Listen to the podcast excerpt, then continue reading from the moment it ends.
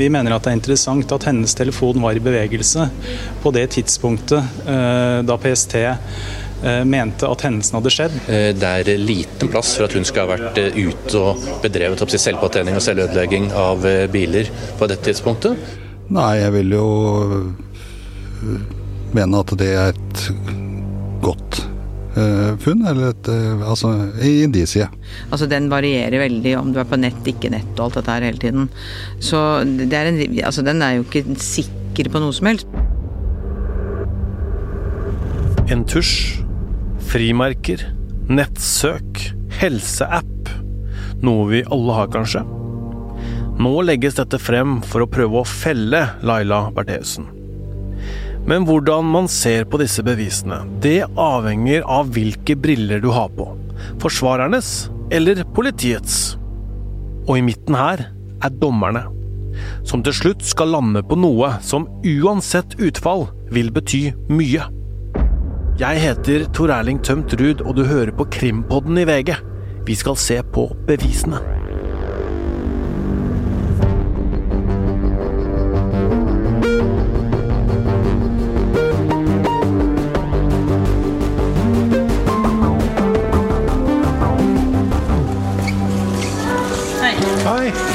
Veit du om dere har en svær rød tusj?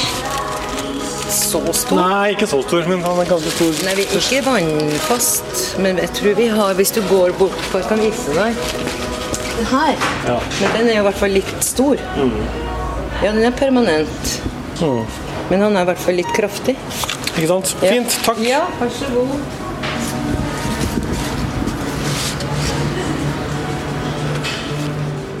Da politiet sikta Bertheussen, som er Tor Mikkel Waras samboer, fikk de tilgang til justisministerens bolig. Der gikk de inn og gjorde en grundig ransakelse. Og bak noen bøker i en bokhylle i kjelleren fant de en stor rød tusj av merket Penol 1000. Uten noe fingeravtrykk. Kripos har konkludert med at denne tusjen etter all sannsynlighet er av samme type som ble brukt til å skrive rasisitt på husveggen og et hakekors på familiens bil. Har du noen kjennskap til en slik tusj, spør statsadvokat Ranke i retten. Nei, altså, jeg har to-tre hundre tusjer i huset, så jeg har ikke noe kjennskap, svarer Berthesen. Isolert sett, den alene vil jo ikke felle som regel. Da måtte det jo ha vært DNA, fingeravtrykk osv. Det her er forsvarsadvokat Gunhild Lærum. Hun snakker på generelt grunnlag og kjenner ikke denne saken spesielt, men kan kanskje hjelpe oss med å se på bevis gjennom en forsvarers briller.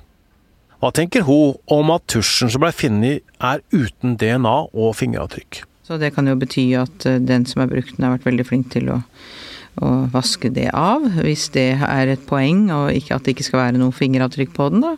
Eller det kan bety at eh, det er eh, den er ny, og at den er lagt der ved en tilfeldighet. Det kan bety mange ting. Altså, det, det, det, betyr i hvert fall at eh, sånn rent objektivt sett så er det et faktum at det er ikke fysisk Altså det er ikke biologiske spor på den, da. Når man ser en sånn tusj som dette her, så, så vil jeg jo anta at hvis man ikke bruker hansker eller eh, sånne ting, så vil man fort kunne avsette fingeravtrykk eller DNA på, en, på den type tusj. Dette er tidligere etterforskningsleder i Kripos, Nils Arne Mehammer. Med politibriller er jo mangelen på tekniske bevis på denne tusjen interessant. Men det kan jo også være tørket av, eller, eller det kan jo være brukt hansker. Jeg vil jo øh, mene at det er et godt Eh, funn, eller et eh, altså, indisie. Tusjen er bare ett av mange bevis i denne saken. Vi skal se på noen til. I eneboligen på Oslo vest gjør PST flere funn som de mener er interessante. På et frimerkehefte med ti frimerker med fyrtårnmotiv mangler det fire frimerker. To med hvitt fyr og to med rødt. På forsendelsen som kom til advokat Elden etter at Bertheussen ble sikta, var det frimerker med samme motiv. Hei. Har dere frimerker? Det skal vi ha. Skal vi sjekke med Harje? Ja. Mange skal du ha? Hva er det du har, liksom? Er det en remse, eller er det Er det en hel sånn en rull? Ja. Da blir det 1700 kroner, da. Ja. Ja, Men jeg tar bare fem først, for at jeg trenger det først, bare. Ja, Så bare river av det. skal vi gjøre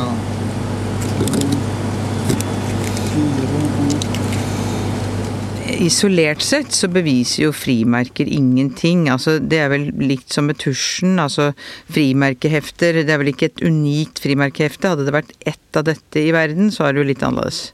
Men hvis det ikke er et unikt hefte, da, så altså Hvis dette er et sånt motiv eh, som selges på posten, så, eller i butikk, for alt jeg vet, så, så er jo ikke det Det er ikke så vanskelig for folk flest å få tak i den type frimerker. Nå er det ikke så veldig vanlig kanskje lenger, og det er ikke så mange som bruker frimerker, og jeg vet ikke året på disse og sånn, men, men det isolert sett så har det jo ikke noe Altså, så er jo, er jo ikke det på en måte noe fellende. Det må jo være i sammenheng med noe, da. Hvis du hadde blitt presentert med et sånt type bevis i retten, hva hadde du gjort da? Da hadde jeg jo lagt fram mange lignende hefter. Som du lett hadde funnet? Ja, hvis det er den type hefte som er lett å få tak i, så hadde jeg gjort det. Så sånn er det med denne tusjen og frimerkene. De er enkle å få tak i. Ingen fellende bevis, men kan det kanskje være noe? Hva med de mer intime bevisene? De som forteller mye mer om deg som menneske.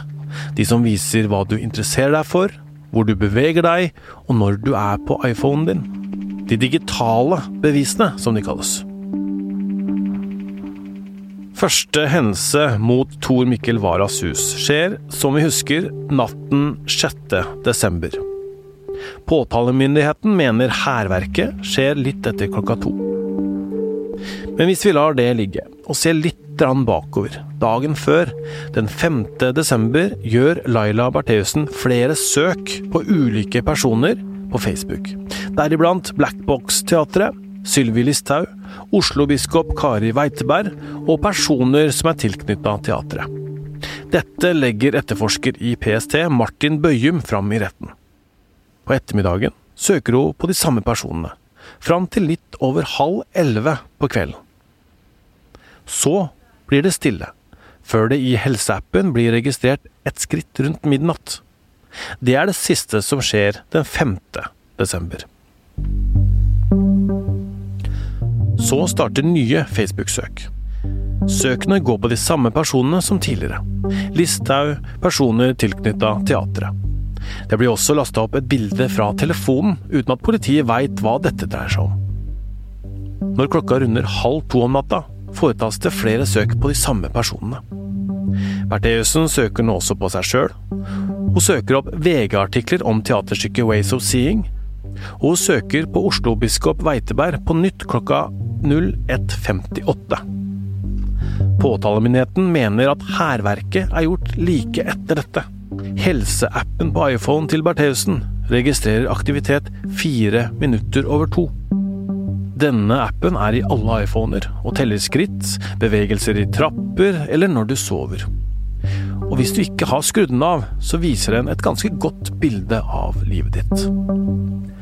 Når politiet undersøker denne appen, så ser de at bevegelsen er anslått til å være 221 skritt. Det varer ca. ti minutter. I dette tidsrommet er det i helseappen registrert to høydeforflytninger. Aktiviteten på telefonen stopper opp 17 minutter over to. Og nå er det stille fram til halv ni neste morgen. Så telefonen er i bevegelse i nærmere et kvarter. Hvor skrittene har vært, eller hvem som beveger seg, sier disse tekniske dataene ingenting om. Men aktoratet mener at Bertheussen i dette tidsrommet gikk ut på gårdsplassen, skrev rasisitt på veggen og et hakekors på bilen, la hyssing i bensintanken og åpna bensinlokket.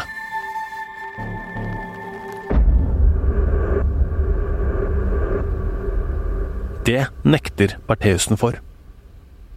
Ja, det viser jo kanskje at man har beveget seg et visst tidsrom. Den viser jo ikke hvor man har beveget seg. Her er forsvarsadvokat Gunhild Lærum igjen. Det er akkurat som en telefon- og basestasjon. Den viser at telefonen akkurat der og da kanskje har vært i nærheten av en basestasjon. Den viser jo ikke hvem som har holdt telefonen eller noen ting.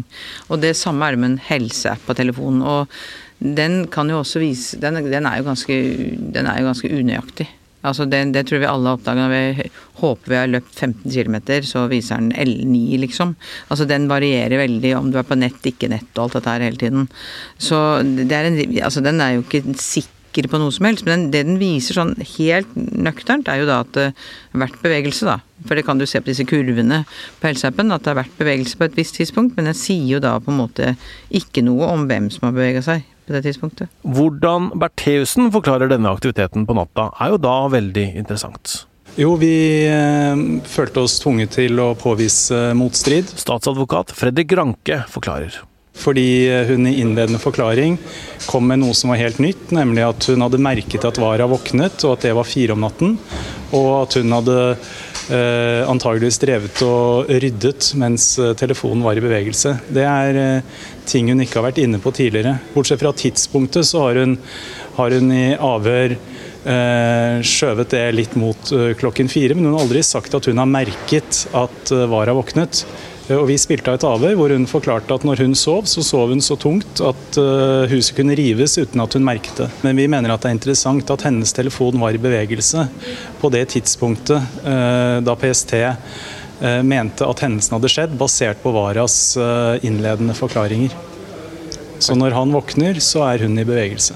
Forsvareren til Bertheussen, John Christian Elden, ser på denne hendelsen med andre øyne. Nei, Det gikk hun litt tilbake på, heldigvis, fordi at det var en passasje i avhøret som ble oversett. Eh, Hun hadde forklart det samme i politiavhør som hun forklarte her i retten, om hva som skjedde denne aktuelle natten. Så det tror jeg ble mindre dramatisk enn det hørtes ut som innledningsvis. I et tidlig avhør sier hun altså at hun sov som en stein den natta.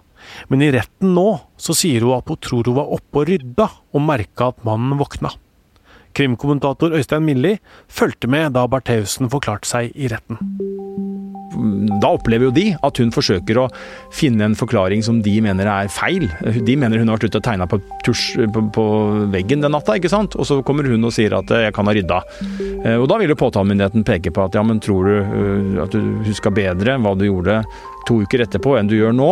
Og på en måte slå sprekker i hennes troverdighet og trekke i tvil det hun sier, og kanskje påberope eh, argumentere for at dette er en forsøk på å tilpasse seg bevisene. For det er noe politi og påtalemyndighet er veldig opptatt av og ofte påpeker, er jo nettopp sånne ting hvor eh, man har gitt en forklaring. Det innhentes andre bevis som slår sprekker i den forklaringa du har gitt. Og så må du kanskje da komme med noen justeringer, og da er jo påtalemyndigheten ofte raskt ute med å si at her tilpasser du forklaringa di, Tor Erling. Eh, Dette gjør du fordi at du skal styre unna det som vi mener du faktisk gjorde, nemlig at du har gjort det eller det. Og her står vi altså nå. To parter som drar bevis og forklaringer i hver sin retning. Vi har sett at samme fremleggelse fra ekspertene i Kripos tolkes totalt forskjellig av påtalemyndigheten og forsvarerne. Kripos har jo eh, slått fast med en sterk konklusjon at det var den typen tusj som ble benyttet til eh, deler av hærverket. Og så har de konkludert med at det er en sannsynlighetsovervekt for at det er den samme tusjen. Vi syns det har fått en god presentasjon eh, fra Kripos og PC sin side, når de sier at det er en viss grad av sannsynlighet, og at de dels kan utelukke eh, sammenhenger osv., så, videre, så er det positivt for eh, denne saken. Påtalemyndigheten ønsker å knytte Bertheussen til hver enkelt hendelse. Peke på at det er ulike former for bevis som trekker i retning av at det er hun som står bak. Eh, Og det begynner jo med at man eh, mener at det er fravær av andre gjerningspersoner. Eh, På flere av eh, de hendelsene så har man ikke funnet noen eller man har ikke funnet noen andre konkrete spor etter andre. Det er jo et viktig poeng for påtalemyndigheten. Og så er det jo sånn at man begynner da å se på eh, enkelte bevis eh, som knytter seg til eh, tusj, som knytter seg til skriftanalyser eh, osv., osv. Som gjør at man i sum mener eh, at det er eh, et overbevisende bevisbilde man står overfor. Forsvarsadvokatens eh, fremste oppgave kan ofte være å så tvil. Eh, og vi må huske at det å bli dømt i Norge, lista ligger høyt. Man skal være veldig sikker, skal være bevist utover enhver rimelig fornuftig tvil. Man skal nesten opp mot 100 Og Det sier seg sjøl at det er en krevende situasjon når det ikke finnes noen enkeltstående fellende bevis. Og Da skal forsvareren peke på eh, tvilen, eh, appellere til dommernes eh, sin samvittighet og tenke at er det, er, er, det dere har fått høre fra påtalemyndigheten, som er eh, indisier, ingen av dem er enkeltstående fellende bevis, og det er gitt forklaringsmodeller på ganske mye av det som dere også må høre, etter, eh, høre på, er dere sikre nok til at dere tør å tar sjansen på å sende en som nekter straffskyld i fengsel, og altså avsi en dom. Eh, og med den faren for det som det innebærer for at det kan bli en uriktig, en uriktig domfellelse. Og det er jo eh, da dommernes dilemma. Og sånn fortsetter saken i rettssal 250 i mange uker framover. Flere titalls vitner og politifolk skal forklare seg om det de har funnet eller vært med på. Og så skal alt tolkes gjennom påtalemyndighetens og forsvarernes briller.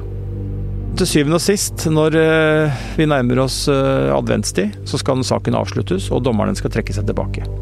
Da vil det handle om tvilen skal komme Laila Anita Bertheussen til gode. Er man ikke sikker nok på at det man har fått eh, presentert i retten er gode nok bevis, at man er sikker nok på at hun er skyldig, ja da skal hun frifinnes.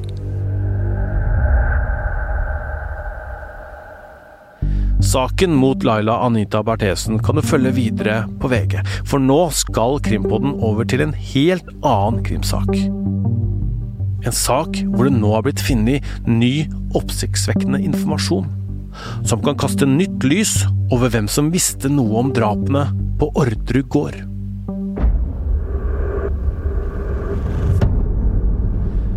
Spørsmål og innspill tar vi imot på krimpodden at vg.no.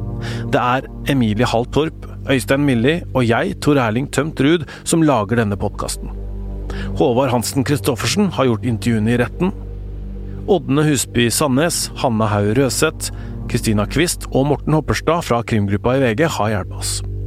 Musikken lages av Ronny Furuvik, og Magne Antonsen har det tekniske ansvaret.